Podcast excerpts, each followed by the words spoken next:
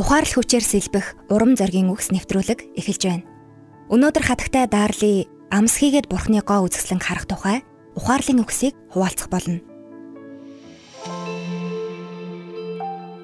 Нэгэн ээж хүүтэйгээ нар жаргах үеэр уулан дээр тоглож байж л дээ. Гинэт хүүн маш ихээр догтлон ээжээ та тэнгэрийг хардаа энэ диндүү гой үзэсгэлэнтэй юм а гэж хашгирах шахам хэлээд гараас нь хөтлөн баярлан догтлон байж л дээ. Энэ урт үгийг бяцхан хүмүн яаж сурсан бол үнэхээр голын ноолоод хилчглээ шүү дээ гэж ээж нь бодохдоо баяр багтал хайр нь ундарч байлаа. Балчирхан өрийнх нь хэлсэн тэдгээр үгс тэрэл мөчөөс хойш ээжийнхэн сэтгэлд хоногшин үлдсэн гэдэг. Үнэхээр л тийм. Бурхан энэ хорвоо ертөнцийг үгээр илэрхийлэшгүй дэндүү гоо үзэсгэлэнтэйгээр бүтээсэн. Та өөрийнхөө амьдралын тухай хитгэн хором яг одоо бодоод үзтээ. Таны амьдарч буй газарт Бурхны үгээр илэрхийлэшгүй ямар гоо үзэсгэлэнг та харж байна. Сэтгэл татам сарна шиг энгийн сайхан зүйлсүү. Сонирхол татаж дуу алдам гайхамшигтай аянгуу эсвэл хот хот инех хонгорхон өрсийн хөөрдөм хөөрхийн нэмсгэллүү.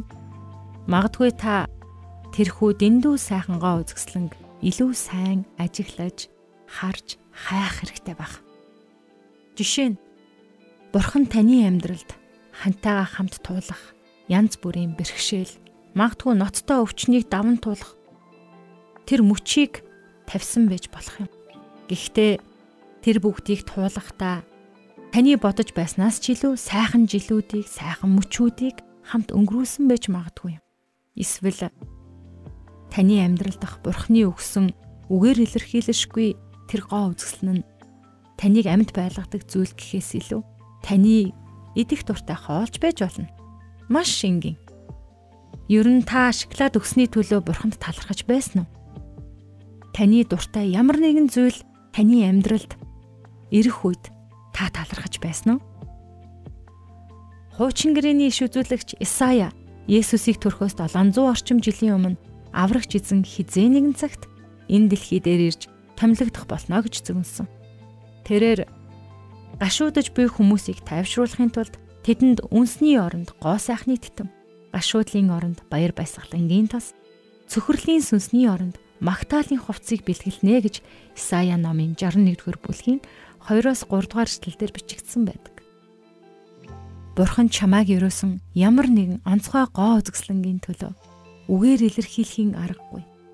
Магадгүй таны төсөөлж байснаас ч хол даван гарсан тэрл гоо үзэсгэлэнгийн төлөө та Бурханд баярлалаа гэж хэлэх цагийг яг одоо гаргаарай. Тийм ээ, дэндүү завгүй хотын химнэлд дэрэгдэх сайхан зүйлсээ анзаархаа мартчих юм. Энэ урам зоригийн үгс надад амс хийгээд өөрт байгаа энгийн атлаа дэндүү сайхан үзэсгэлэнтэй тэрэл зүйлсийнхээ тухай бодох сөхөө өгч байна. Ажил ажил гэж гүйсээр үрсийнхээ сайхан үнрийг үнэрлээгүй хэрч удчихав. Өглөөний мэндгээд хайртай хүмүүс рүүгээ хизээ сүлд би нэмсгэлсэн билээ. Хамгийн сүүлд гэр бүлтэйгээ тайван суугаад элдв хөгжилтэй зүйлсийг хизээ би ярьлаа гудамжаар тайван алхах зураа тэнгэр ба моддын үзэсгэлэн биширч дэрэгдүр өнгөрөх хүмүүсийн өн гөнгийн дүр зургийг инээмсэглэн ажиглаагүй. Хичнээн их удчихав химэн эргцүүлэн сон. Үнэндээ амьдралыг сайтар ажиглан харвал үгээр илэрхийлшгүй. Үзэсгэлэнтэй сайн сайхан зүйл маш олон байна. Би завгүй химнэлээс үе үе амс хийж амьдралд минь өгсөн бурхны гоо үзэсгэлэн харах зуршилтай болохоор шийдлээ. Баярлаа танд Урмын үгс сэтгэлийн зовлонгоос холдуулдаг. Хадагтай Дарлин Салагийн урам зоригийн үгс нэвтрүүлэг танд хүрлээ.